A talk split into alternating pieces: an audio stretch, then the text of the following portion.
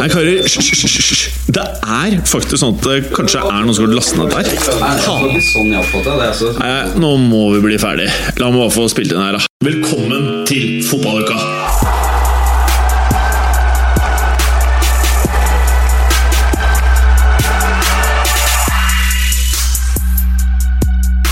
Velkommen til et nytt år med fotballuka. Og hvis jeg ikke tar helt feil, så tror jeg dette er nå enten fjerde eller Ja, det er fjerde år med fotballuka, mens bare to av de er å finne på iTunes. Så tenk de to årene du har gått glipp av. vi skal prøve godt for, dem, uh, for de to årene nå. Og i dag skal vi vie stort sett hele podkasten til to ting. Det ene er forhåndstipsene våre i de fem største ligaene i Europe. Europe. Europa. Eh, klarte vi eh, å si noe vettugt, eller ikke? Og så skal vi selvfølgelig høre på Mats Berger, aka. Og så Preben ringer ikke. Og Morten Pyro Pivo, aka Galåsen, eh, forteller noen ganske frekke frekkaser. Alt dette og veldig mye mer dagens utgave av Fotballuka! Monsieur, monsieur, meine Herr und Herren Her. Det jeg prøver å si, Morten, er velkommen. Er det meg du snakker til? Ja. Det er deg. Jo, takk. Godt nyttår, Jim. Ja, og tusen til takk. dere lyttere. Ja. Ja, det var godt at du poengterte da. Eh, ny T-skjorte. Er dette topp fem mest utvalka, utvaska T-skjorter vi har sett i studio, Preben? Nei, faktisk ikke. Jo, det er kanskje det. For at du Den- den ser være- liksom ikke så mye annen lenger. Nei, men den, eh, den er sånn. Den er sånn, ja. Ja. Du pleier å kjøpe alle T-skjortene ferdig utvaska, gjør du ikke det? Ikke alle, men eh, det hender. De aller fleste. Ja. Mm. Liker stilen. Ja, det kan man jo kanskje diskutere, men uh, det er i hvert fall Donald Duck som ser sint ut, og så står det 'I have mad skills'. Er dette en klubb? Er det noe fotball-quotes fra et eller annet rart land? Er det noe Fenerbahçe? Hva er dette for noe? Det er faktisk uh, noe så lite underliggende motiver her. Uh, den er rett fra butikken i Disneyland, Oho. så det er bare en Donald-T-skjorte. så har ikke noe med fotball å gjøre? Nei, ingenting. Eller Ja. band eller noe. Ganske skuffende, eller hva, Ganske Mats lite eh, Berger? Ja, kjempeskuffende. Hvordan står det til da. Berger? Bra, bra. Ja. Ja. Godt å være tilbake i studio. Vært mye bra fotball, syns jeg, og mye spenning i, eh, i juletiden. Sjelden har vi sett deg brunere. Eller? Har du vært i Syden? Har du vært Nei, jeg, jeg, som jeg, jeg skulle egentlig til, eh, til Bali, men det, det ble ikke nå. Eh, jeg prioriterte heller å være hjemme og se fotball. Er det lys i studio? eller? Jeg syns du ser veldig brun ut. Takk. Beta-karoten? Føler meg eh, fin og tanned. Ja, du gjør det. Mm, Du gjør det. Tilbake til deg, eh, Morten Gallosen. Ah, Eh, du er jo nå ferdig, du. eh, innom Slapp billig. du, du, du er jo fast i to podkaster, du nå. Ja. Du, altså, du har dette her som hovedpodkasten din, og så har du noe sånn her en bigeskjeft som heter Pyro og Pivo. Ja. Som du har et sånn smertelig behov for å nevne hver episode av Fotballuka. Jeg nevnte det ikke forrige gang. Jeg Har ikke nevnt det nå heller. Nei, det er bare jeg. Mm. Så nå skal jeg slutte å nevne det.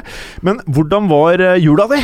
Jula den var eh, full av ribbe og den type ting. Mm. Um, en del alkohol, en del fotball. Mm. Så jeg kan ikke klage.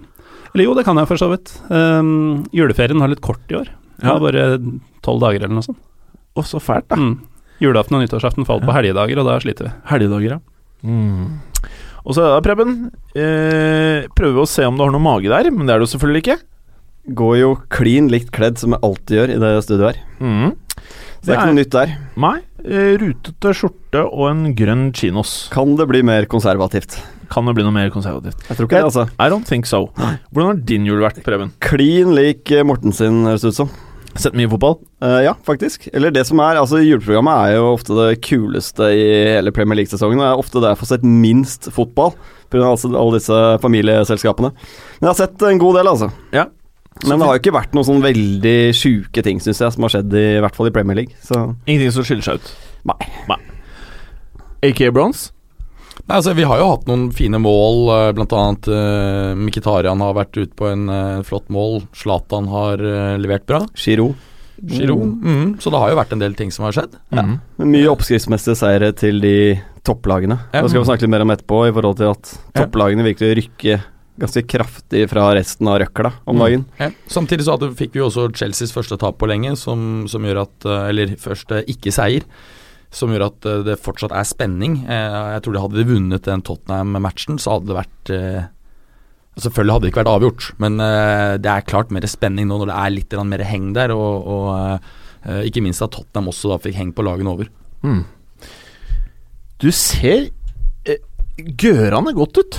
Jeg har eh, spist godt uh, i jula, så jeg tror jeg har gått opp et par kilo. Det er, an, Ny genser, eller? er ikke det, altså. Men det er jo varm ull, men jeg er litt sånn, jeg er litt sånn småtjukk. Sjuk, så Småtjukk. Småtjukk, småtjukk og sjuk. Og det går utover alle oss andre, for vi sitter og svetter i hjel i T-skjorta. Jævla varmt i studio. Altså, jeg sitter med, sitter med ullgenser og er ikke svett. Jeg skjønner ikke hvordan dere kan svette i det hele tatt. liksom.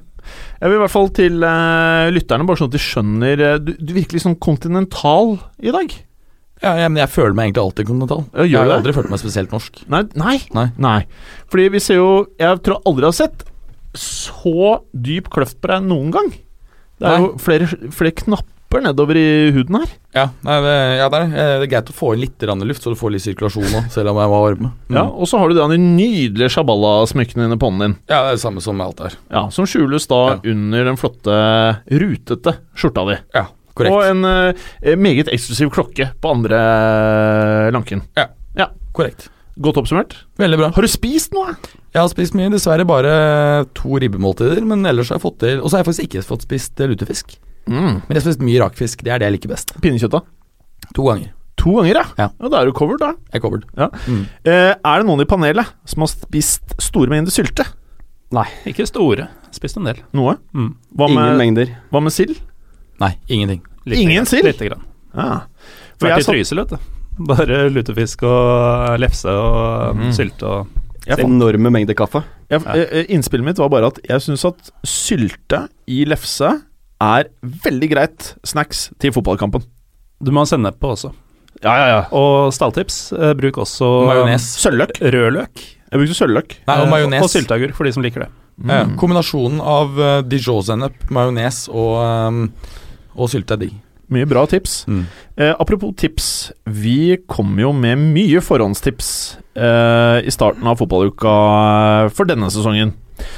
Og eh, hvis vi nå skal se litt på hva det var vi hosta opp og lira av oss av eh, tips, og hvordan ting faktisk ser ut nå eh, når jula er eh, forbi, hvordan er det du synes at vi ligger an i forhold til hvor vi starta, eh, Mats Burg, Birger, Birger, Birger, Birger? Kan jeg få si en ting, bare? Ja, kan du ikke gjøre det? Bare For- ikke holde deg til eh, skjema. Ja, eh, fordi at uh, i Premier League så mener jeg at det faktisk er uh, topp seks noe som er interessant, fordi det er seks store lag.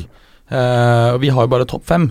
Skjønt så kan man alt, alltids argumentere for at det siste laget gir seg jo litt selv, men, men ja, vi burde ta med hva vi tenker om, eh, om eh, det sjette laget òg. Jeg har en kommentar til det, eh, for jeg så akkurat på det. Og vår topp seks er helt lik virkeligheten, bortsett fra at eh, Tottenham og City har bytta plass, henholdsvis tre og fire. Og at United og Liverpool har bytta plass, henholdsvis to og seks. Ellers er vi spot on på topp seks. Det er vel ganske forutsigbart å tippe toppen i Premier League i år. eh, Men som jeg var inne på i innledningen her også, jeg syns det Jeg er litt overrasket over det gapet da eh, fra topp seks og ned til røkla har blitt så stort som det har blitt. Det er jo ni poeng nå. Jeg, skulle, jeg skulle tro med alle de pengene som ble pumpa inn i eh, hva skal jeg si, de svakere lagene i Premier League, at de også skulle ta noen steg. Men det virker ikke som de har utviklet seg på samme måte, samme som topplagene har blitt veldig mye bedre. Ja, jeg, jeg er ikke så overrasket over, over det, og, og det var noe vi snakket om uh, tidligere, hvor jeg trakk frem at jeg mente at effekten av uh, disse nye TV-pengene til de mindre, altså de klubbene som ikke er på topp, er bare at de drar opp uh, prisen på middels gode spillere. De får ikke tak i noe særlig bedre spillere. Kan jo kanskje selv Everton kan bli et, et unntak, men de har også fått en ny eier eh, som, eh, som er villig til å spytte inn betydelig. Så, eh, så jeg, jeg er ikke så overrasket over det. Jeg er litt skuffa over et lag som når de inne på Everton, da, at ikke de er nærmere topp seks enn det de faktisk er. Ja, men Det er et prosjekt som har- akkurat blitt startet. da, Så fikk vi jo Nå er vel for, for øvrig, apropos Everton, så Bolassi er vel ute til 2018, eh, muligens. Herlig investering. Ja. Ja, det er, det er selvfølgelig uflaks for dem, det er det, altså. Det er godt solgt av eh, sexy Crystal Palace, da. Ja. Men uh, nå er vel uh, Schneiderle er vel nå basically close han nå til Everton. Det er, stemmer ikke, Ikke det? sett det confirmed, men uh, det er vel nærme. Ja, jeg regner med at den går inn, og, og det tror jeg kommer til å være en god ehm, et godt tillegg for, eh, for Everton. Ja, betydelig oppgradering av Gareth Barry, i hvert fall på Ja. midten her. Ja, så det kan se bra ut. Så blir det spennende å se om um, Memphis Depay, uh, aka uh, panfløytespilleren, som vi har kalt han ved, ved noen anledninger, ender opp i Det er vel Milan eller Everton som er, uh, er de to mest aktuelle kandidatene, så vidt jeg har eh, greid å fange opp. Hans periode i eh, Manchester, ikke Manchester United, men i Manchester, byen Manchester. Ja. Vil du si at eh, hvis du ikke hadde visst noe om at han var eh, Manchester United-spiller, hadde du tenkt ut ifra Instagram-kontoen hans at han var en rapper eller en sanger, en popstjerne, Rapper. eller en fotballstjerne? Rapper. Ja Og det er det inntrykket jeg sitter igjen med, at han er mer opptatt av alt det andre. Ja. Og jeg tror han egentlig har det ganske ok. Ja. Selv nå som jeg vet at han faktisk har kontrakt med Manchester United, så tror jeg fortsatt han egentlig er rapper. Han snakka jo her om dagen om Eller panfløytespiller. Eller panfløytespiller. Ja, men han bruker panfløyte. Han bruker panfløyte-rapp. Ja! Det er uh, nye sånn, sånn peruansk trend. Mm. Da skal du være glad du har millionkontrakt med en toppklubb, ass, for det blir det ikke penger av. Det tror jeg det heter. Men vi hadde vel Manchester United, når vi først er inne på dem, på en eh, Var det tredjeplass? Andre. Andreplass, ja. Og nå har de jo virkelig noe om panfløyte er det det? i bakgrunnen her? Det er litt panfløyte. Ja. Men, Nei, men nå er de jo på gang. De, altså, de har jo åtte strake seire nå. Vi må jo tilbake til uh, det er 2011 og Ferguson-tiden, Uh, siden de hadde en sånn uh, rekke med seire. Så og Manchester United har blitt et utrolig mye bedre fotballag de siste, den siste måneden, to Mm. månedene. Og Vi så jo konturene også før denne seiersrekka begynte. Ja. Eh, de ga bort mye tåpelige poeng fortsatt, men du så at nå var det noe på gang her. Uh, og nå er de jo faktisk rett i ræva på Arsenal, og de tar imot Liverpool, et Liverpool uten Coutinho og Mané eh, i neste runde. Det tror jeg nesten blir årets høydepunkt så langt, og den vil være så definerende for hvordan ligaen vil gå videre. Eh, Spesielt for Manchester United. mm. Taper de den, så er det på en måte det sekspoengsglippa fortsatt, eller tilbake dit. Men også for Liverpool, Ja. eh, for de eh, som fortsatt tviler på dem, som bl.a. jeg gjør. Eh, for et statement det vil være å komme til Old Trafford og ta tre poeng. Og både koble United fullstendig, men samtidig faktisk vise at de mener alvor. Jeg er litt enig med deg i Liverpool. Jeg føler meg ikke helt 100 sikker der. Jeg, jeg, jeg, føler meg, jeg føler meg helt sikker på at Chelsea, Tottenham og City får topp fire.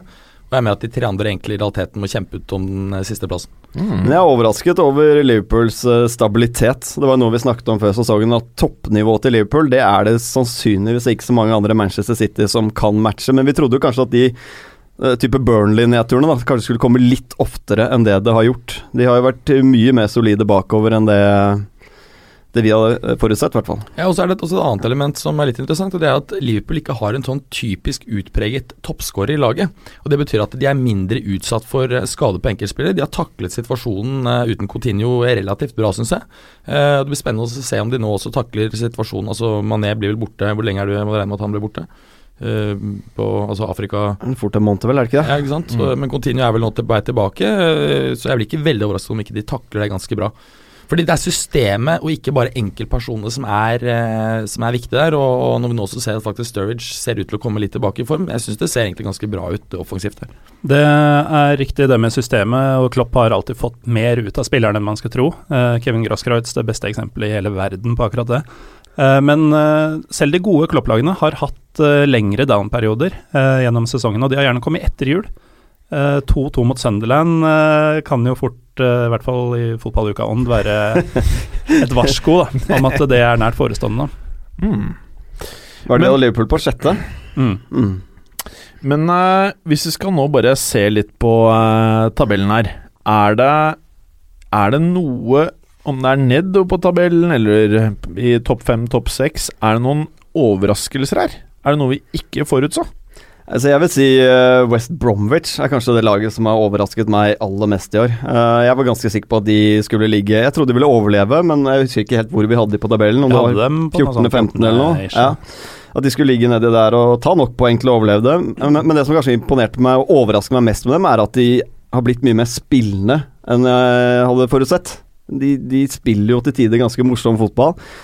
Matty Phillips har vel hva er det han er, åtte assist nå, så langt. Nå er det selvfølgelig en hyggelig oppgave å slå cornere på West Brom, men uh, Så har du fått inn Shadley også, som er litt mer spillende type. Så. Jeg trodde egentlig at det skulle være perle for svin, at han bare skulle bli misbrukt og plassert ut på sida der uten å egentlig få noen baller. Jeg synes også Vi må gi kred til Pulis der, altså, for at Ja. det er langt mindre kjedelig å se West Brom-kamper enn en forventet. Men uh, for meg, jeg er også veldig overrasket over Westham. Altså, vi var jo uh, over oss Ja. på over Westham i fjor, og jeg hadde egentlig trodd de skulle greie å ta nye steg. Altså De skulle ny stadion, ikke sant. eh, Helt eh, enig. Det var også et av de lagene hadde Ja. meget høye forventninger til. Ikke sant, og så ser du at uh... Og de viste også litt sånn uh, balls, da, ved at de uh, det, det var jo prat om mye store overganger som kanskje kunne skje. Men det har jo vært en hel skandale, den innflytningen til eh, Olympiastadion. Ja. Altså, tribunebråk Det er Internt tribunebråk. Internt tribunebråk, ja. Og det jo- finnes jo ikke intim, så jeg tenker det bortelag som kommer der, vil jo føle at de kommer på en nøytral bane, Ja. mer eller mindre. Ja.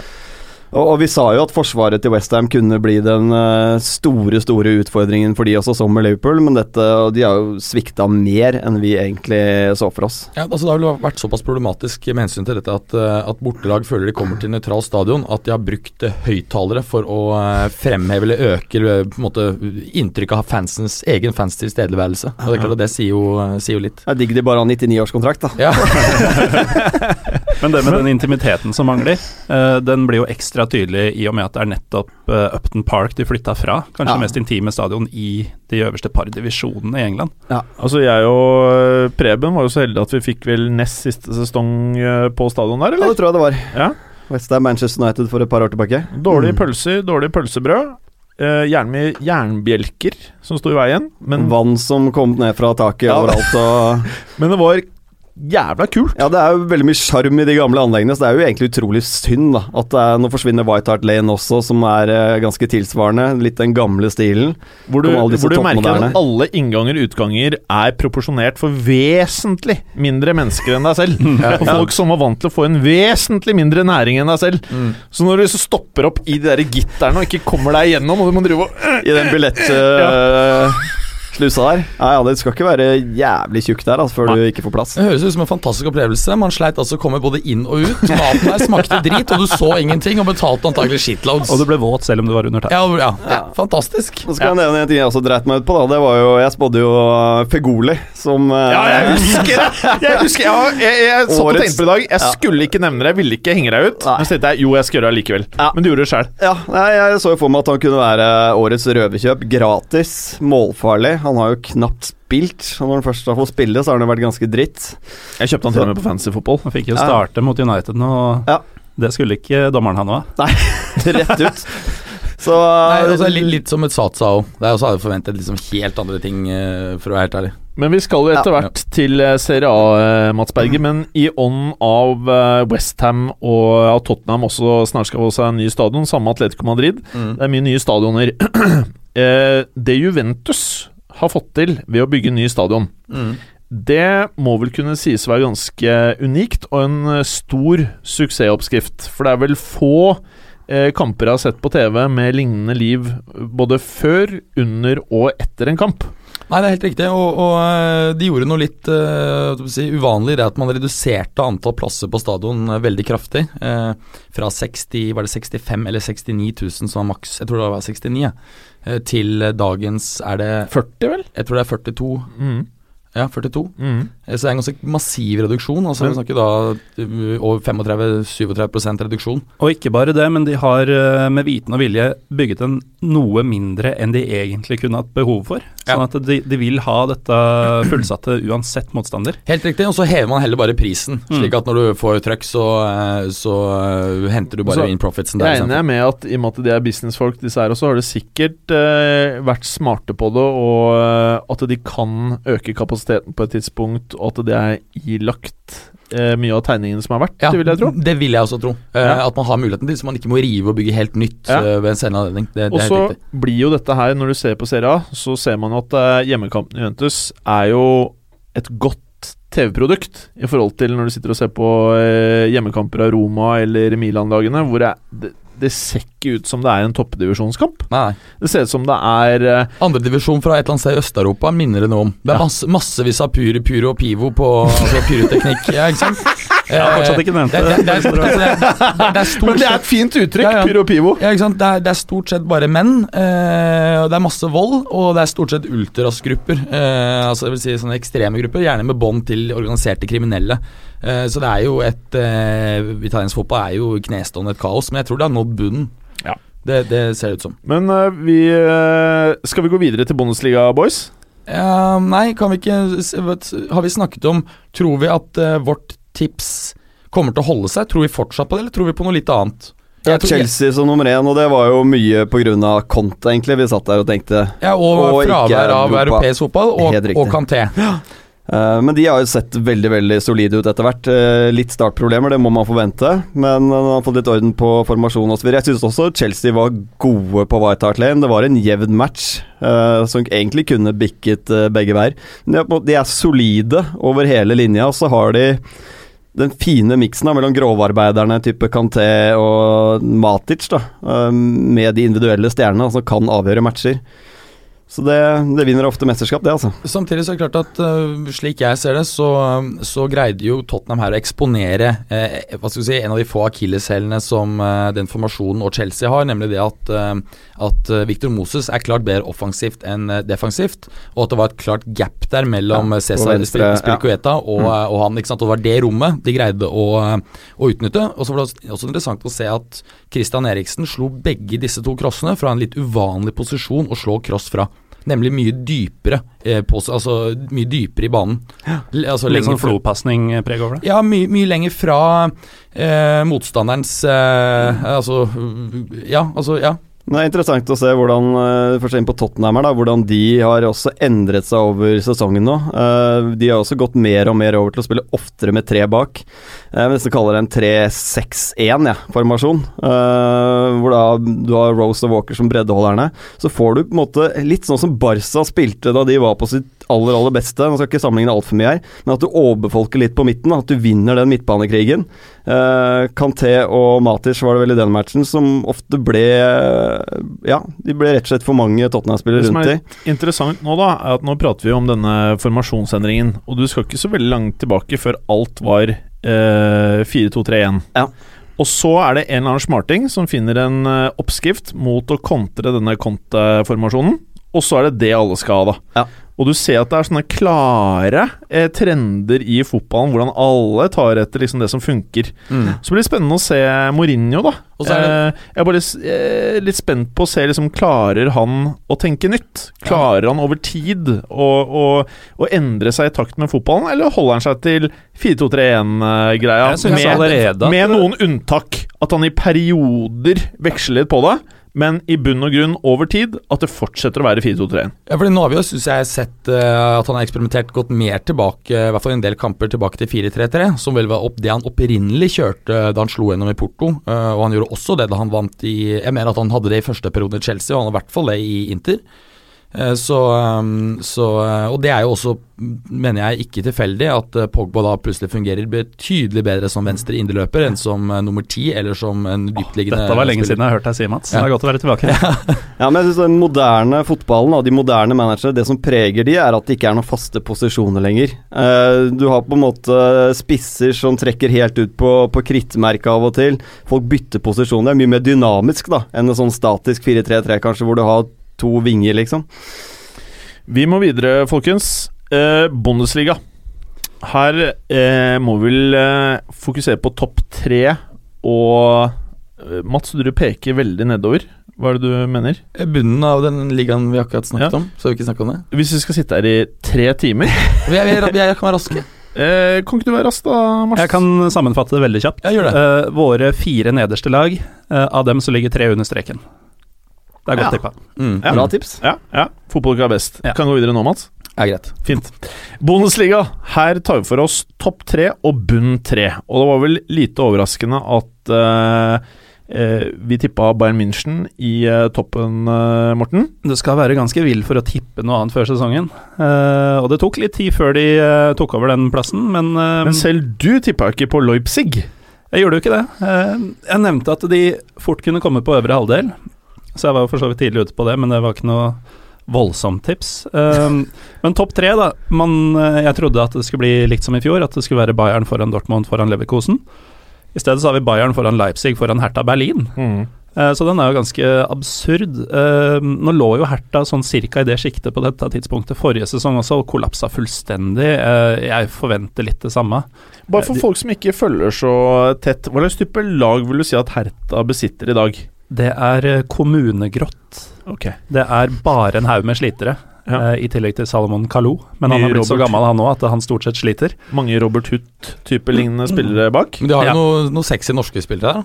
Ja, de har jo sexy Rune Almenning Arstein og enda mer sexy Per Siljan Skjelbre. Ja. Med sin noe, sitt noe spesielle syn på hvem som er best spillere i verden, f.eks. Det var vel Mascherano som var 2015s eh, absolutte Ja. Faen, jeg, jeg, vi, vi må begynne å følge Siljan tett. Vi må følge han tett fremover. Eh, er det noen som har kontroll på Twitteren hans, by the way? Kanskje det kommer noe ikke. For i kveld er det vel Fifa-kåringen? Ja. Det kan jo være at han kommer med noen nuggets i dag, faktisk. Eller at det blir publisert et eller annet sånt. Eller er det Jeg hørte at han hadde han uh, Anni Chebe på, um, på, på Sunderland på tredjeplass, i hvert fall. Han har jo, over, han har jo vært knallgod tidligere i høst, liksom. Det, Nå tuller du. ja, jeg tror- Ja, for For med jeg vet man ikke. helt- Nei, nei, men man vet jo ikke. Uh, ja. Uh, nei, altså, du har jo da uh, de såkalte usual suspects i toppen. Eh, bortsett fra Bayern München, så har jo de mislykkes eh, så langt. Spesielt nå er Dortmund det beste av de lagene på sin sjetteplass. Eh, men det var jo et lag vi forventa veldig mye av, i og med at de faktisk brukte penger og forsterka kraftig med litt store navn også eh, foran sesongen. Og de har jo tidligere spilt blendende, som de alltid gjør, spesielt i Europa, men eh, mye rare poengtap i Bundesliga. Eh, De henter seg nok opp på medaljeplass, men sesongen er litt spolert for dem, for er, de kommer aldri opp i gullkampen. Eh, Så har du Leverkosen da, på niendeplass, og Schalke på ellevte. Uh, Mönchengladbach, eh, som vel gikk videre i Champions Nei, det gjorde de ikke, men eh, Gikk som, videre til eh, Europaligaen. Ja. Den gjeveste. som spiller Champions League, da. De ligger jo godt ned på nedre halvdel. Ja. Så det er en veldig rar Bundesliga-sesong eh, så langt, og all ære til eh, Leipzig for hvordan de spiller på, og også Hertha, Frankfurt og Hoffenheim, med sin 29 år gamle manager. Mm. Som også ligger foran Dortmund, men det skal jo ikke være sånn. Nei. Samtidig så tippa jeg jo Freiburg sist, og de ligger jo foran alle disse nevnte topplagene, bortsett fra Dortmund. De ligger på en fin åttendeplass. Det er fint, det. Så Hele ti plasser over der fotballukas eksperttips eh, plasserte dem, da. Men du traff jo greit med Ingolstadt og Darmstadt. ja, men det skulle bare mangle. Fordi de er helt sugne, de, eller? Ja. Ja. Eh, overpresterte begge to i fjor. Eh, Darmstadt eh, så enda svakere ut nå enn foran forrige sesong, og det at de holdt seg da, var egentlig et mirakel. Er det noen i panelet som mener at Bayern ikke tar dette? Nei. Jeg ser på deg, Bergen. Nei, nei, nei, Bayern tar det til slutt. Ja, ja, ja. Er det noe mer å prate om, eller skal vi gå videre? Nei, vi kan godt gå videre, men det er jo en morsom Bundesliga-sesong, i og med at det er eh, litt nye lag eh, som melder seg på, og at eh, det er så vanskelig å, å tippe de etablerte traverne. Men hvor ender Dortmund? De blir nummer tre. Tre? Mm. Hvem blir nummer to, da? Ja, det veit jeg ikke. Oi! Du bare tar en vill gamble? Mm. Ja, ja, ja. Hva med Roar Preben? Eh, Dortmund. Ja. Jeg skulle til å si tre også før du sa det. Men eh, jeg vet ikke helt hvem som blir nummer to, om Leipzig klarer å holde dette ut sesongen. Altså, jeg ser jo av de lagene som er der oppe, så jeg må nesten endre det til to. For jeg ser ingen uh, av de som skal holde hele sesongen. Selv Leipzig de uh, kommer nok til å kvalifisere til Europa, tror jeg nå. Uh, Topp fem eller noe sånt. Men uh, andreplassen, det, er- det er for mye å be om. For mye. For unge spillere nei, jeg, er helt, helt enig. Jeg tror de faktisk får topp fire, eh, Leipzig. eh, I fravær at det er såpass mange av de antatt største lagene som har eh, snublet. Men jeg tror Dortmund tar til syvende og sist andreplassen. Men jeg kan ikke se at de ender opp med å true Bayern München når det gjelder uh, Nei, det er for seint for det. Ja. Vil du si at Leipzig var en riktig uttalelse? Eller Leipzig? Leipzig. Det er jo der marsipanen ble funnet ut. Funnet opp. Funnet ut? Nei, nei. Var det, altså, Der de seriøst. knakk ass. Ja, ja, altså Byen var under beleiring, og så hadde de, eh, hadde de eh, veldig mye sukker og mandler. Eh, men det var noen av de få tingene de faktisk hadde mye av. Og så var det en baker som fant opp eh, fant opp marsipanen, og da jo motsto de beleiringen. Og ja, Det er storyen, liksom. Det er ganske kul by, Leipzig. Altså, med mye, mye historie. Det var jo også der Eller de tar i hvert fall kred for å ha starta det som da endte med murens fall. Ja. eh, Med um, ukentlige masseprotester mot eh, det sittende kommunistiske regimet i Øst-Tyskland. Ohoi. Mektig kunnskap på dere, karer. Og man kan bli full der. Det vil jeg tro du vet alt om, Gallosen. Mm. Eh, Preben Ringerike. Yes. Eh, kanskje verdens beste liga, La Liga. Ja, det kan man vel si. Ja, noen vil jo si det. Ja. Vi tippa eh, Atletico Madrid, Barcelona, Real Madrid. Det står seg Real Madrid Hvordan Sevilla. Sevilla, Barca, Barcelona. Ja, jeg, jeg, må understreke, jeg må understreke at jeg stilte meg aldri bak, uh, bak det. For jeg trodde jo Real hele veien. Du trodde det? Resonnementet mitt var enkelt at uh, nettopp pga. Gameiro så vil det ikke få førsteplass, fordi at det viste at de har et klart mer offensivt fokus, som vil gjøre at det blir mindre tette bakover. Det er det vi har sett. Ja, men Samtidig så sa vi jo den previewen at det er i utgangspunktet nesten umulig å skille Real Madrid, eh, Barcelona og Atletico Madrid, så vi rakk jo egentlig bare fingeren litt i været her og slang ut et navn. Så vi, vi spådde at det ville bli jevnt, men det er klart Atletico Madrid har jo skuffet ganske stort uh, den sesongen her, og en av grunnene til det kan du jo si faktisk er Kevin Gamero, da, som vi hadde eh, mye mer tro på enn det han har klart å få ut. Han har seks skåringer. og Det er jo overhodet ikke bra nok. En annen som også har skuffet, er Antoine Griezmann, spør meg. Seks skåringer står han også med. Du må jo forvente en kar som selv sier han skal vinne gullballen og fortjener den. Da må du jo levere mer enn eh, seks eh, skåringer. Skal jeg fortelle om en annen spiller som mente han eh, skulle vinne gullballen? Gjør det. Hatem. Ben Arfa. Ja. Han vant den aldri. Kanskje han vinner den? Jeg vet ikke. Bentner òg er en annen som skulle vinne den. Lord Bentner.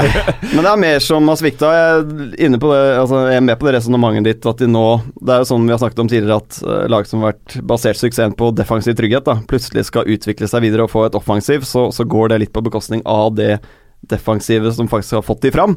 Uh, Kåke er en spiller som har underprestert i hele år, har ikke vært i nærheten av å være på det nivået han har vært uh, tidligere. Så det er flere spillere som ikke har vært der helt der de var i fjor. Mats? Ja, samtidig så har vi, har vi også sett at uh, Jannik Ferreira Carasco har tatt nye steg, og det er klart at han er jo en uh, utrolig spennende spiller. Uh, så det er ikke bare negativt der. Men igjen, det er jo at, han har tatt uh, nye steg, er jo fordi at han har hatt mindre defensivt uh, ansvar. Uh, og, og det er noe som har, uh, har slått ut at det ikke er ikke tette bakover. Ja, Så er det jo mye usikkerhet. da det, altså Diego Semione forhandlet jo ned kontrakten sin til 2018, var det vel? Eh, halvannet år til. Og det, det, det skaper jo ikke trygghet i spillergruppa på noe som helst måte. Nei, og det, det, at han, eh, det at han ikke forhandlet den enda kortere tilbake, er det en del som spekulerer i at eh, neste sesong blir jo første på ny stadion. Han ønsket å oppleve det. Ja. Så sjansene for at han forsvinner om halvannet år nå altså Til Inter? Ja, det er vel det som ligger i kortene, antagelig. Det er jo, eh, de er jo veldig, veldig store. Ellers så har jo Real Madrid vært eh, bunnsolide. Uh, jeg kan egentlig ikke få skrytt nok av både Zinedine Zidane, som har er det 39 kamper de har gått nå uh, uten tap. Det er helt vilt. Tangering av gamle rekorden til Barcelona, vel? Ja, det er tangering nå. Mm. Uh, og ikke minst Sergio Ramos, som har vært fantastisk god for Real Madrid eh, hele den sesongen her. Mm. Han, eh, de har jo hatt skader på Ronaldo, Benzema, Bale, eh, men så har på en måte Ramos vært der og redda dem ganske så ofte. Så har de en veldig, veldig bred og god stall. Men det, det er også verdt å merke seg at i, i løpet av Altså, Hvis du tar og sammenligner Real Madrids 39 kamper uten tap mot Barca, så har Real Madrid både skåret noe mindre og også sluppet inn noe mer. Det interessante er at det er en veldig mye større spredning enn som har skåret målene. eh, og Det reflekterer jo det at de er langt mindre avhengig av disse tre toppspillerne på topp enn det Barcelona er. De er mye bedre organisert enn det Barcelona er. Eh, Barcelona har jo altså, Ta det først, Luis Henrique. På de første 150 kampene så har han en høyere seiersprosent enn Pep Guardiola. Han har vunnet 76% av kampene mot Pep, hadde vel 73, tror jeg det var. Så, så han har jo gjort det bra, men samtidig så er det jo det er best i Barcelona-historien, men det er jo ingen av de andre trenerne som har hatt MSN å jobbe med på feltet. Eh, de har slitt veldig, syns jeg, med at Rakitic eh, de, eh, Rakitic har, har vært ute av form, rett og slett. I, han har ikke vært eh, bra i år.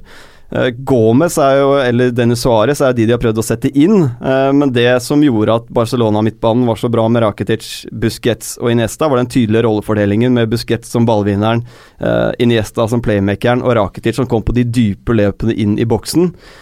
Gomez er mer som en Iniesta-variant, det er også Suárez, bare at de er mye mye dårligere. Så det blir mye mer statisk, du får ikke de løpene inn i boksen. Det er mye enklere å plukke opp uh, kun Suárez, stort sett inn i midten her. Og de har blitt reddet gang på gang av uh, Leo Messi, som også i går, da, mot uh, Villarreal. Men- den, uh, Men, likevel så må jeg innrømme at jeg hadde, hadde forventet mer av André Gomez. Eh, Jeg syns han har vært eh, den I forhold til hva jeg hadde forventet, så er han den jeg er mest skuffet av. Ja. Jeg syns heller ikke han Samuel Umtiti på stoppeplass har vært uh, det oser ikke trygghet av Nei, han. det, Altså. det gjør ikke det, altså. Så det er uh, Og Busquets har hatt en mellomsesong. Han har jo arguably vært den beste defensive midtbanespilleren i europeisk fotball de siste årene. Han virker tung, energiløs, og gjør eh, uvant mye feilpasninger. Han pleier å ligge tett opp mot 95% i pasningssikkerhet. Men har vi ikke sett dette før, at uh, vi har sett et Barcelona-lag som uh, kanskje har en periode hvor det går litt tråere, Også på en eller annen eh, måte, når du har de beste spillerne i verden, så plutselig løsner det igjen. Plutselig er alle happy igjen, og folk har ligget i poolen og chilla'n, og så er alt fint igjen. Jeg Ja. føler jeg har sett det mange ganger. Og for eksempel sånn som den Villarreal-kampen var det i går eller I forrige går. år. Ja, i går så Fantastisk fotballkamp for øvrig. Ja, ikke sant. Eh, og, og, men det var interessant det var jo at det var jo, de var jo jævlig uheldige som ikke fikk et mål Ja, ja. til eh, Barcelona der. Så um, det kan fort være mye litt tilfeldighet at ikke de At vi sitter nå og slakter dem litt. Ja. Men Vi går og snakker litt om Villarreal-matchen, for der var jo Pato har jo virkelig begynt å vise eh, hvorfor noen gidder å bruke penger på han. Ja. Nå er han faktisk eh, Altså, touchet sitter, rykket sitter, eh, teknikken Altså, han virker rett og slett ganske skarp, altså. Det er det vi prater om. Det er noen spillere som ikke må finne på å stikke til topp tre klubber i verden. De må Ja. bare være litt bak der, Mm. og så plutselig ser det ut som stjerner. Ja, for Kult å se Pato om dagen. Han herja jo til tider med Barca-forsvaret i går også. Så ja, gøy. En spiller med ekstremferdigheter når huet er skrudd på og han er skadefri. Mm. Og Men eh, han way, han, kommet- han var jo en gang i tiden sett på som det helt store Ja, ja, ja, talentet ja, ja. han var i Milan. Da han kom Altså, til det var ikke snakk om Det var sånn alle skulle prøve å eh, Spekulasjonen gikk på hvem skulle kjøpe Pato AC Milan. Og da var det Skulle han gå til Real? Skulle han gå til Barca? Og så kom nedturene med skader og nedturen med AC Milan. eh, Ja, og så ble det slutt med Barbara Berlusconi. Og Det ble dårlig stemning. ja, det ble dårlig stemning. Viktig sak, det. Men Barca er jo nå fem poeng bak Real Madrid, og Real Madrid har én kamp mindre spilt, og den hengekampen er mot Sporting. Uh, så det er jo åtte poeng. Uh, det tror Er jeg Ja, det er jo det. Så ræva. De er så ræva. Det er nesten, uh, nesten sånn at selv om Barcelona plutselig skulle klikke igjen Ja, og og vinne resten. alle kampene, Ja. så tror jeg ikke det er nok. Nei, jeg tror ikke det er nok jeg heller. Jeg tror den avstanden allerede har blitt for stor. Men Champions League, selvfølgelig har de muligheter. Ja, jeg, jeg tror hvis de vinner alle kampene, så, så greier de det. Fordi de har jo en sekspoengskamp mot nettopp uh, mot Real Madrid, men jeg, eh, jeg Men den gir også bare de- tre, vet du. Altså, ja, den gir jo tre, men det er jo i realiteten Men da tar du innpå tross alt tre, da. Men bare for å eh, veld, Veldig kort her. Hva tror vi blir uh, topp tre i Spania når uh, sesongen er ferdig, Mats? Eh, Real Madrid, Barcelona og så Sevilla på tredje. Ok, la oss si topp fire, da. Og Atletico Madrid på fjerde. Atletico Madrid på fjerde. Du da, Prøve? Jeg er helt enig med Mats. Uh, Sevilla har vært uh, bra, altså. Mm.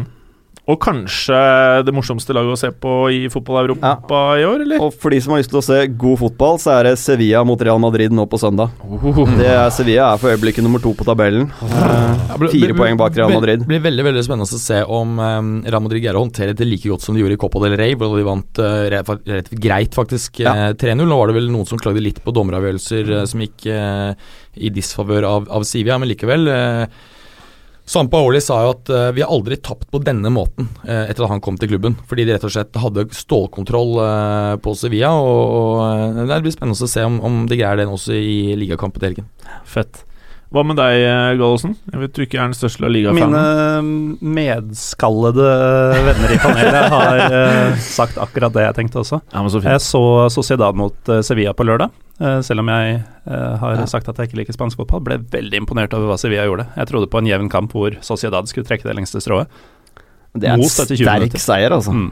Borte mot Real Sociedad. Der er det ikke mange som får med seg mye. Nei. nei. Eh, kort siste spørsmål til deg, Preben. Hva er det Zidane gjør annerledes som pingvinen, Angelotti og mange andre store trenere ikke får til med Real Madrid? Det er et eh, ekstremt uh, vanskelig spørsmål å svare på. Men jeg syns de er veldig, veldig godt organisert. Uh, ja, rett og slett. De henger veldig Altså, avstanden mellom lagdelene De er vanskelig å spille ut. Det er noe veldig solid over hele rekka. Det er det. Berger? Og så er det at han greier å bruke hele stallen på en veldig god måte. Mm. Eh, han opplever, han altså, per definisjon de har den beste stallen i verden. Mm. Eh, og da vil jo sette til enhver tid mange stjerner på benken, men du ser at han greier å håndtere det på en måte som gjør at de presterer når de kommer inn. Ta spillere som Isco og Hames. Siste to kampene nå, altså, øh, så har de skåret to mål hver. Og Dette er jo ikke spillere som normalt øh, spiller øh, Eller er automatisk i førsteelveren. Og det greier å holde disse spillerne, også Varan og Nacho, som har vært glimrende på stoppepass, det er, mener jeg er en av nøklene til, øh, til suksessen. Enig i det. Og selvfølgelig taktisk eh, fleksibilitet også. Han kjører ikke kun denne 4-3-3-varianten, men kan variere litt på formasjon også. Nei, Fordi- også, også det at han har vært flink å bruke Casemiro, men også Matteo Kovacic har Ja, han har tatt steg. Han har tatt store steg. steg og greier å gå inn i den rollen faktisk veldig bra, selv om han også har bedre offensive fibre og er mer pasningssterk Mm. enn det Casemiro er. Men viser Real noe eh, som man kanskje burde lære noe av? Det å ikke banke inn nye spillere når du allerede har en fantastisk, ikke bare elver, men mannskap? Er, er, ha, har han egentlig vist spillerne sine nå en sånn tillit til at dette her er de gutta jeg ønsker å gå en sesong igjennom, og at spillerne føler seg eh, mer tilfredse og mer satt pris på enn hva man kanskje er vant til i moderne fotball, spesielt i Real Madrid? Vi var jo litt innom dette i sommer fordi eh, pga. den kommende overgangsnekten at vi trodde Real Madrid i beste Real Madrid-stil skulle gå bananas på overgangsmarkedet. Uh, og så satt vi litt sånn skuffa tilbake, egentlig, fordi de hadde mm, stort sett fått inn sånne her ikke-navn. De hadde fått tilbake Morata, Sensi og den type folk. Eh, og så var vi jo i utgangspunktet litt skeptiske til Zidane da han ble ansatt også.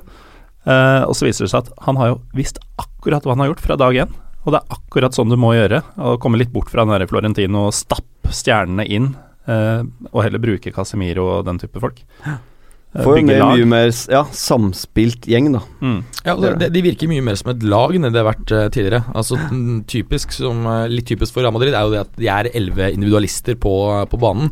Nå virker de eh, For det første er de mye mindre avhengig av Ronaldo og resten av BBC, men eh, det at de opererer så eh, er så sammensveiset som et lag, det er åpenbart en eh, stor fordel.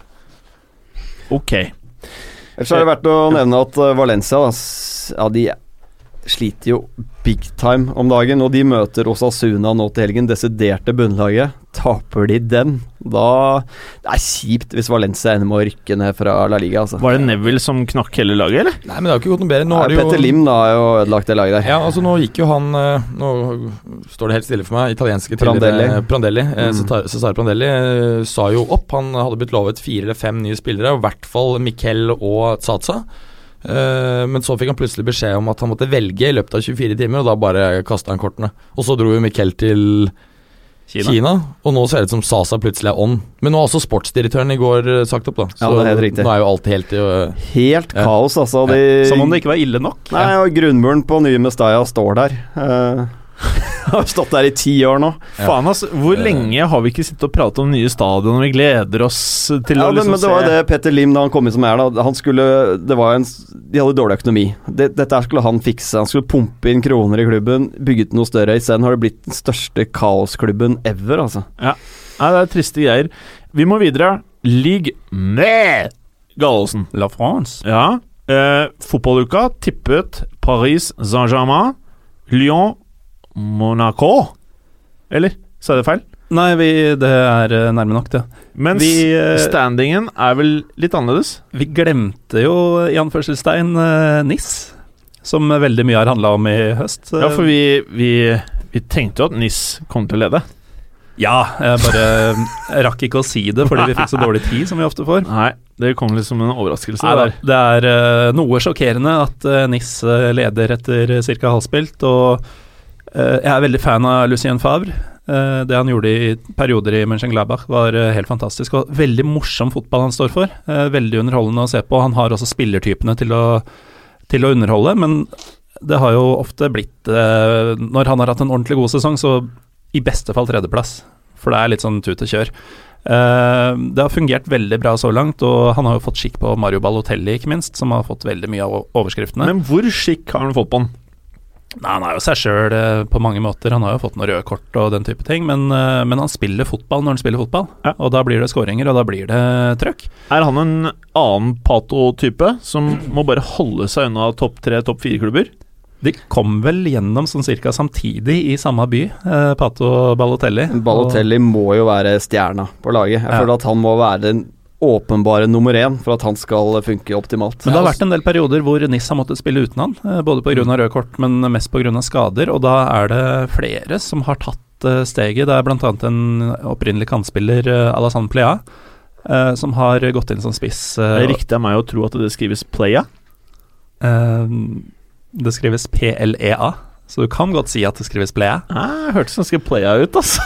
Ja, ja, sorry, Eh, sorry, han har om mulig vært en enda bedre og viktig spiller eh, for NIS enn det Balotelli har vært, eh, men han har jo ikke det navnet, da. Eh, Så har du en som heter Villad Cyprien på midtbanen, som også har vært helt fantastisk. Ohoi. Dante har jo slått ordentlig til i midtforsvaret.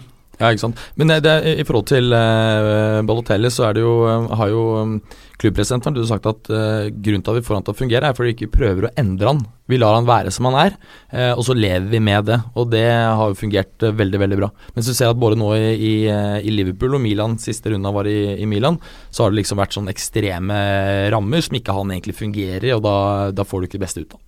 Mm. Ekstreme rammer kombinert med egne nøkler til klubbhuset i Ja, ja. Milan. var det. Ikke sant? Men eh, så har du Monaco, da, som er eh, Vi hadde dem på tredje, de ligger på andre, men, eh, så det er ikke overraskende at de ligger der. Men måten de har framstått på i høst, det er kanskje Europas morsomste fotballag. Samme. Sevilla, eller? Foran Sevilla. Hey! Det er så mye skåringer, og det er så kul fotball, og det er så unge spillere, og du vet at dette er folk som kommer til å dominere fotballen framover, men akkurat nå spiller de for en sånn liten fjolleklubb eh, på Rivieraen. Hvem er MVP på Monaco? Eh, det er mange, men uh, vi må jo nesten trekke fram Radamel Falcao, da, som uh, vår kjære fotballuka-deltaker Bjarne Han har vi kost oss mye med. nevnte for et par måneder siden at det var ferdig, definitivt, på Twitter. Han har jo bare bøtta inn mål, Ja. sammen med Valeri Germain. Ganske overraskende suksessduo på topp der. Men de har altså på offensiv midtbanekant så har de henholdsvis Thomas LeMar og Bernardo Silva, som er virkelig trøkket framover på banen. Eh, og så har du eh, Fabinho og Tiemoe Bakayoko på sentral, som på en måte holder igjen og som styrer showet. Så hele den sekseren har vært en drøm. Det er mye muskler kombinert med teknikk. Mm. Og så har du veldig offensive sidebacker også. Ja, det høres greit ut, det. Det er et veldig godt sammensatt lag, og de spiller kjempeunderholdende fotball og skårer vel mest, eh, soleklart mest i Europa. Det er vel over tre mål i snitt per kamp Det er helt fint, det. Fremover. Mats Berger. Ja. Du er jo over snittet interessert i uh, Serie A og Juventus.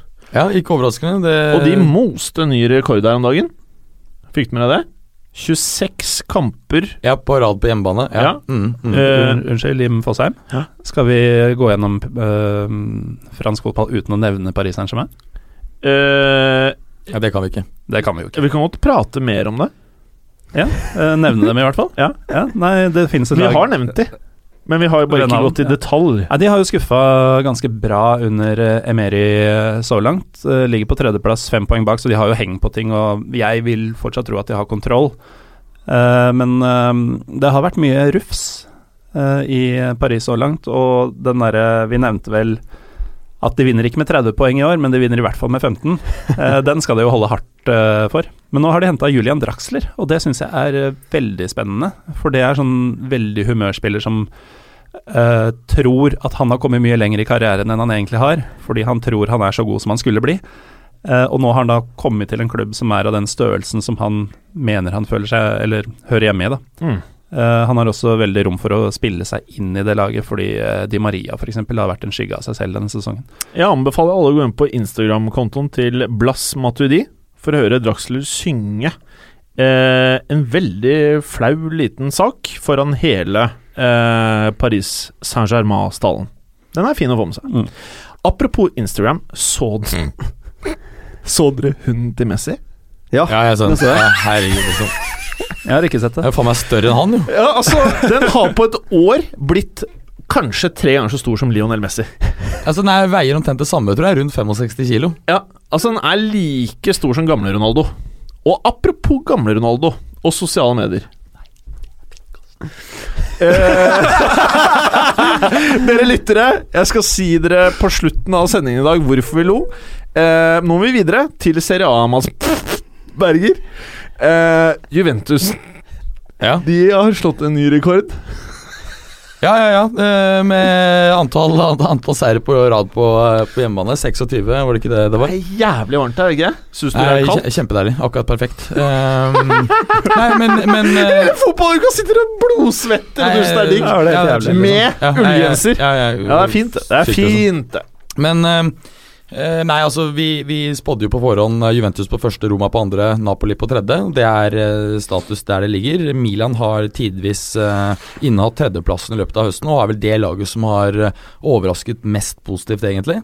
Eh, på den andre siden så har du jo Sassuolo som, eh, som greide å få europacupspill, og som ligger langt nede på tabellen, bare marginalt over eh, over nedrykksstreken og ikke taklet det med økt kampbelastning. Har også hatt skader bl.a. på, um, på um, Ikke Berardi. eh, Berardi. Ja. Mm, korrekt. Mm.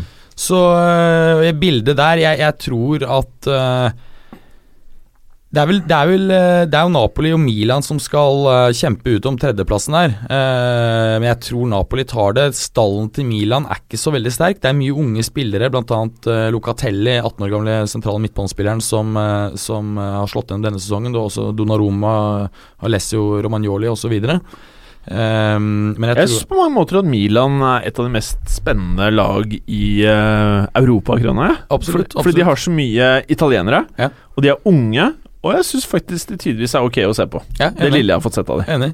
Og så har du jo Inter som selvfølgelig har brukt brukte jo veldig mye penger i sommer. Eh, langt mer enn f.eks. Juventus, som gikk omtrent i null eh, på utleggene sine. Mens jeg tror de brukte 130-40 millioner euro eller noe sånt. Og det er jo vært en katastrofe. Nå er det De er på gang nå. De har fire strake seire nå. Jeg skal Ja, ja. legge huet på blokka ned og se at jeg tror de tar tredjeplassen. jeg. ja, det, det, det, det, ikke, men, fem men poeng bak Napoli. under De bor så var det en katastrofe ja. uten Altså, ja, helt disaster. Det har vært bedre under Pioli nå. Ja. Men jeg, jeg tror de skal slite med å ta, um, ta tredjeplassen. Det er Men- noen poeng opp. ja. Det er men, det. men det har en del bra spillere. Preben, altså. jeg, jeg, du har jo en sånn evne til å få meg til å tro på alt du sier. Du er liksom magiker. Når du sier sånn eh, Inter på tredje, så tenker jeg nå hodet mitt når jeg går ut av studio nå, så tenker jeg ja, Inter er- tar tredje. Det er en liten longshot, men eh, jeg har helt siden eh, vi snakket om de tipsene her, eh, ment at Inter har den nest beste startelveren i Serie A. Så har jeg fått mye tynn for det, men de har mye bråk utenfor banen som har påvirket mye av det som skjer på banen, altså på styrerommet, den type ting. Så jeg tror hvis de nå virkelig får dette her til å klikke, så har de en målmaskin i Cardi på topp. Eh, Perisic, Kandreva, gode kantspillere. Banega med playmaker-egenskapene og også solid sentral midtbane. God keeper. Hva med, han, hva med han derre Barbosa? Hva tror du skjer med han? Det er ikke godt Han, å si, altså. Det der er helt, uh, helt Er det 20 ja. minutter han har spilt? Ja, det er ja. sånn helt Ja. Navnet hans eh, får meg til å tenke sånne her, eh, gamle Ronaldo-tendenser. At han bare kommer til å bli feit. Uten at han egentlig gjør noe galt. Det bare Ja. ligger i genetikken hans. Ja, men han har også litt sånn uh, rapper-Instagram-konto. Eh, men eh, han er ung, han var dritbra i eh, Brasil. Var vel, eh, hvis man ser litt på YouTube. Santos. Eh, men der er det mange som ser bra ut. Ja, Santos. Mm. Ja. Men eh, Preben, hvis Inter skal ta topp tre, er det Napoli eller eh, Roma som Jeg tror ryker? Napoli ryker. Mm. Ok, ok, ok. Men både Napoli og Roma de vil avgi poeng, så det kommer an på om Inter nå på en måte holder den dampen oppe nå. Altså, de, kan ikke ha noen flere dampperioder hvis de skal klare det. Jeg er enig i at det er en longshot. Mest sannsynlig tar Napoli tredjeplassen, men eh, jeg tror Inter har sjans. Dette her er jo ikke noe vi har prata altfor mye om, i og med at programmet vårt har vært ganske tett. Men jeg tenkte å spørre dere Er det noen store fotballoverganger eh, vi har i vente i eh, perioden som kommer nå? Som dere ser for dere? Nei, ikke noen veldig store nå i januar. I så fall, altså nå De er til Kina, de. Ja, det er til Kina, men, men ja, United er veldig gira på en ny stopper, og det ryktes jo store bud både på eh, han svenske Lindelöf. Benfica, Lindelof, og mm. nå er det Kostas Manolas. Eh, Det ryktes at de har bytt 47 millioner eh, pund, mens, Nap nei, mens eh, Roma ønsker 52 millioner pund. Det er jo is. Manolas er verdt eh, en halv milliard. han har tatt store steg siden han kom fra Olympiakos for eh, et par år siden. Han kom jo ikke for noen høy sum, og eh, Det er klart at Roma kan le hele veien til banken hvis de får den summen. Men han er ganske ung, han er bare 25, så du har jo en stopper ganske mange år der. Eh, og United har så mye penger at hvis det, gjør, hvis det er det kjøpet som skal gjøre at de får topp fire, så er det faktisk verdt pengene. men vi har, vi har pratet om dette her med å kjøpe stoppere for store lag i moderne fotball. Det er jævla vanskelig. Og selv de som vi sitter her og tenker Ja, ok, det betalte kanskje litt mye, men er en bra spiller. Plutselig så bare funker det ikke. Det er Mm. et eller annet, i hvert fall de senere, kanskje de siste fem årene, det å kjøpe stoppere med de nye prisene og alt det som skjer, det er ikke bare bare, ass. Så nå, vi sitter jo og harselerer litt nå om Manolas. Men som vi gjør ofte, da.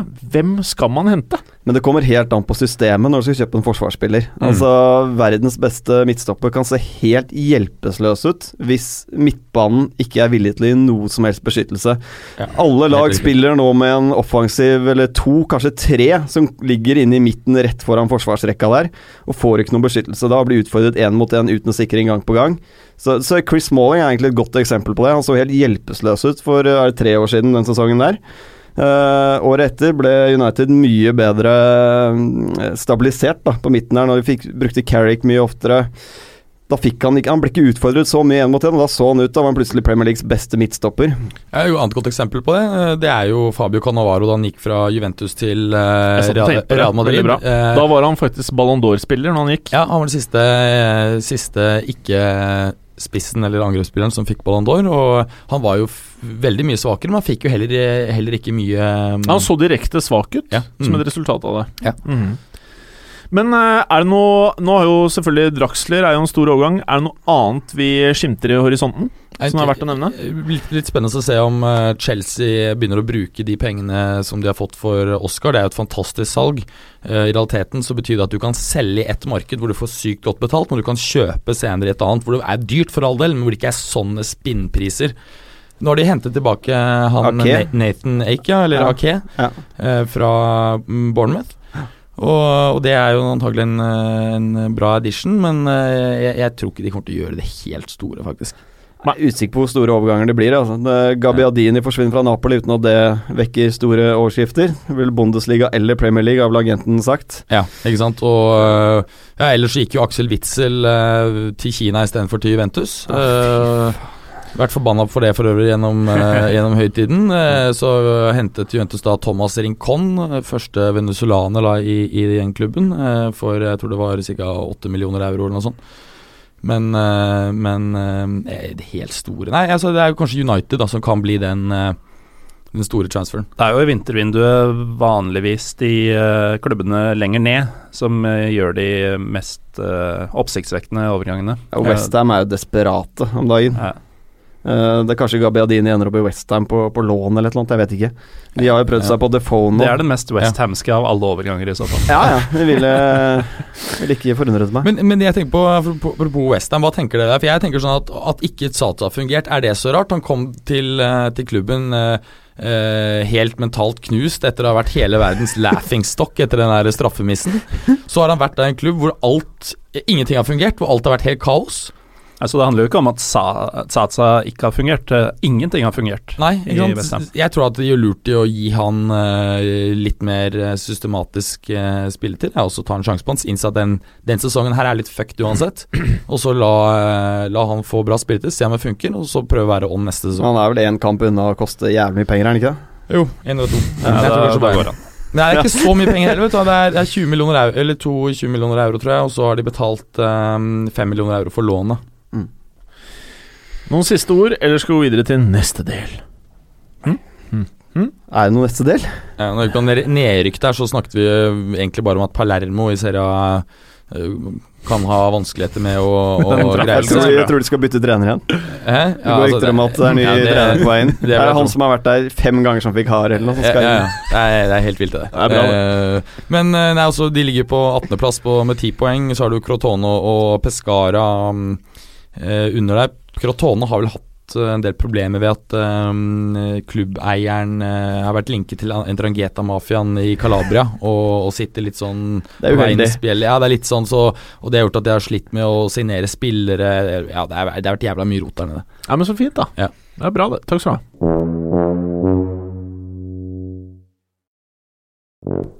Mm. Dette her er jo på mange måter eh, det jeg ser mest frem til hver eneste uke. Du har Det er gøy for deg. Hæ? Det her, det, her er, eh, det her er my time to shine. Her kommer jeg best ut, og stort sett eh, alle andre ganger så kommer jeg dårligst ut. Mats Ja. Berger. Eh, nå er vi kommet til ukas frekkas. Og av og til så liker du å starte. Ja. Og det tror jeg har noe med at da vet du at her kan flere drite seg ut etter deg. Eh, og at det egentlig kan heve din prestasjon.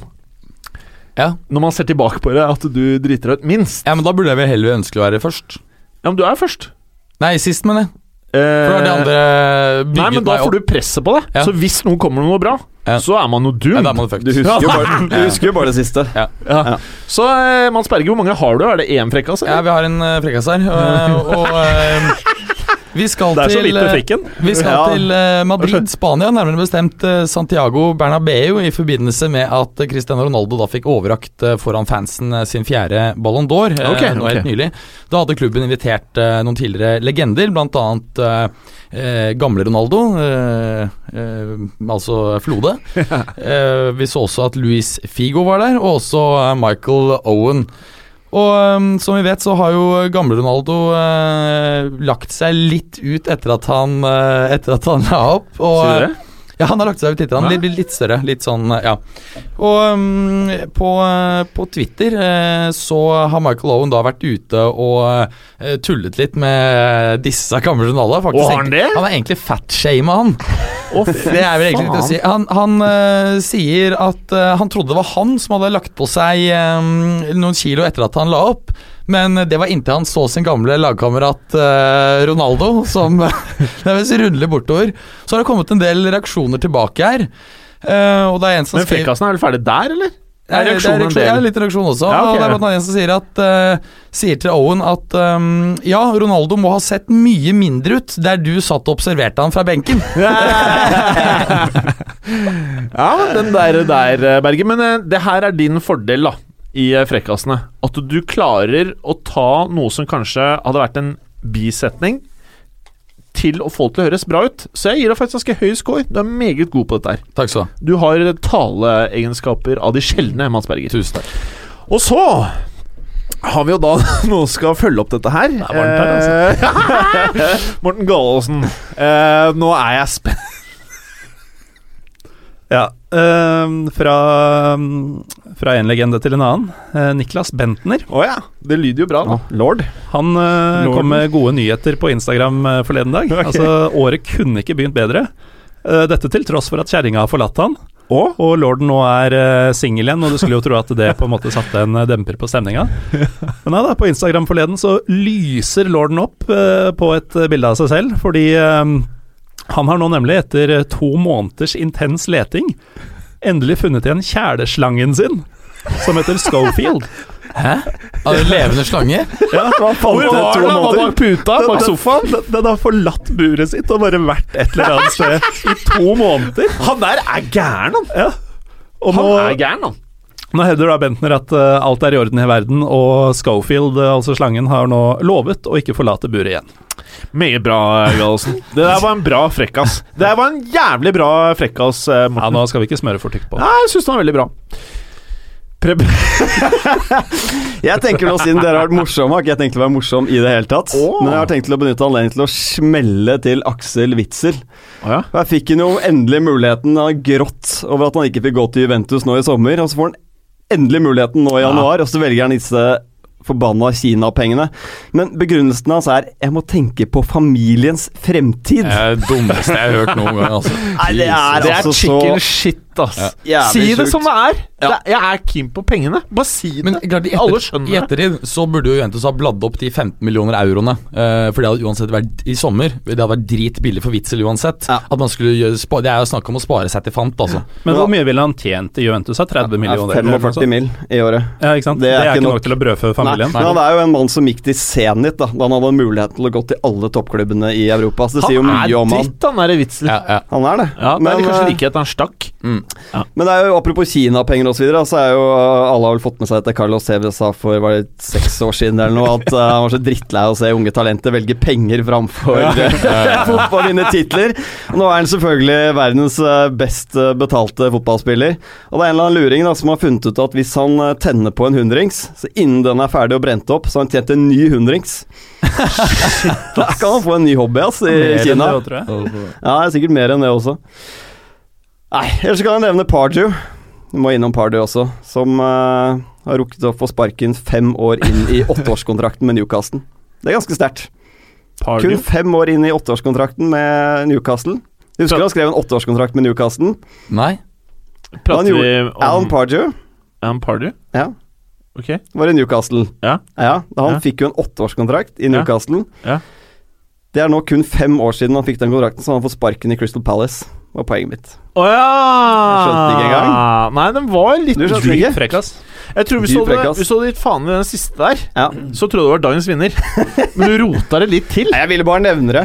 Ja, men det var Syns det er ganske der- sterk prestasjon der å de bli sparket. ja, det er, ja, for noen ganger så må man vite når man skal slutte med frekkasene. Ja, og jeg trodde Berge dreit seg ut, fordi jeg så den saken uh, hans, og jeg så en del av reaksjonene. De fleste av dem var ikke morsomme. Nei. Så godt valgt da å dra ut akkurat den ene. Det var bare én som var bra, egentlig. Ja, mm. Men jeg vil si at uh, for første gang på veldig lenge så er det ingen som fortjener diss i ukas frekkas. Det er tre veldig bra prestasjoner. Eh, det jeg likte med deg, Preben, er at du prøvde ikke å være morsom. Du tok Du I eh, formatets riktige forstand så er en frekkas også noe som kan brukes til å henge ut folk.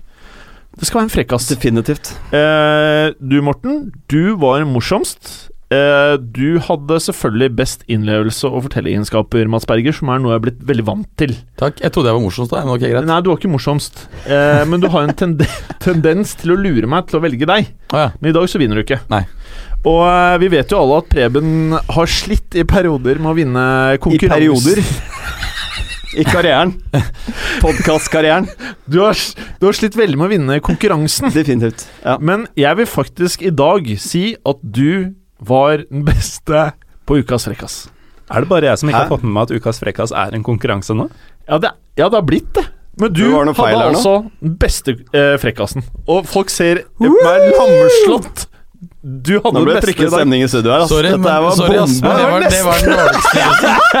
men det er kanskje nettopp derfor eh, at øh, Fordi Preben ikke vinner konkurransene selv om han har øh, flest riktige svar. Så du, det er omvendt. Eller færrest? Eller, Ja, eller færrest. eller null.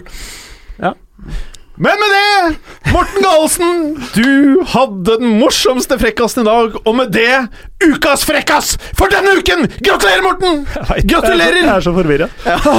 Og med det så takker vi for i dag, og det var deilig å være i gang igjen. Takk skal du ha. Takk. Hjertelig. Hjertelig Å, den likte jeg. Hjertelig. Takk. Takk. Hjertelig takk. Takk for at du hadde høre på. Vi er Fotballuka på Twitter, Facebook og Instagram. Følg oss gjerne. Men bare få høre. Den tror jeg blir litt fet.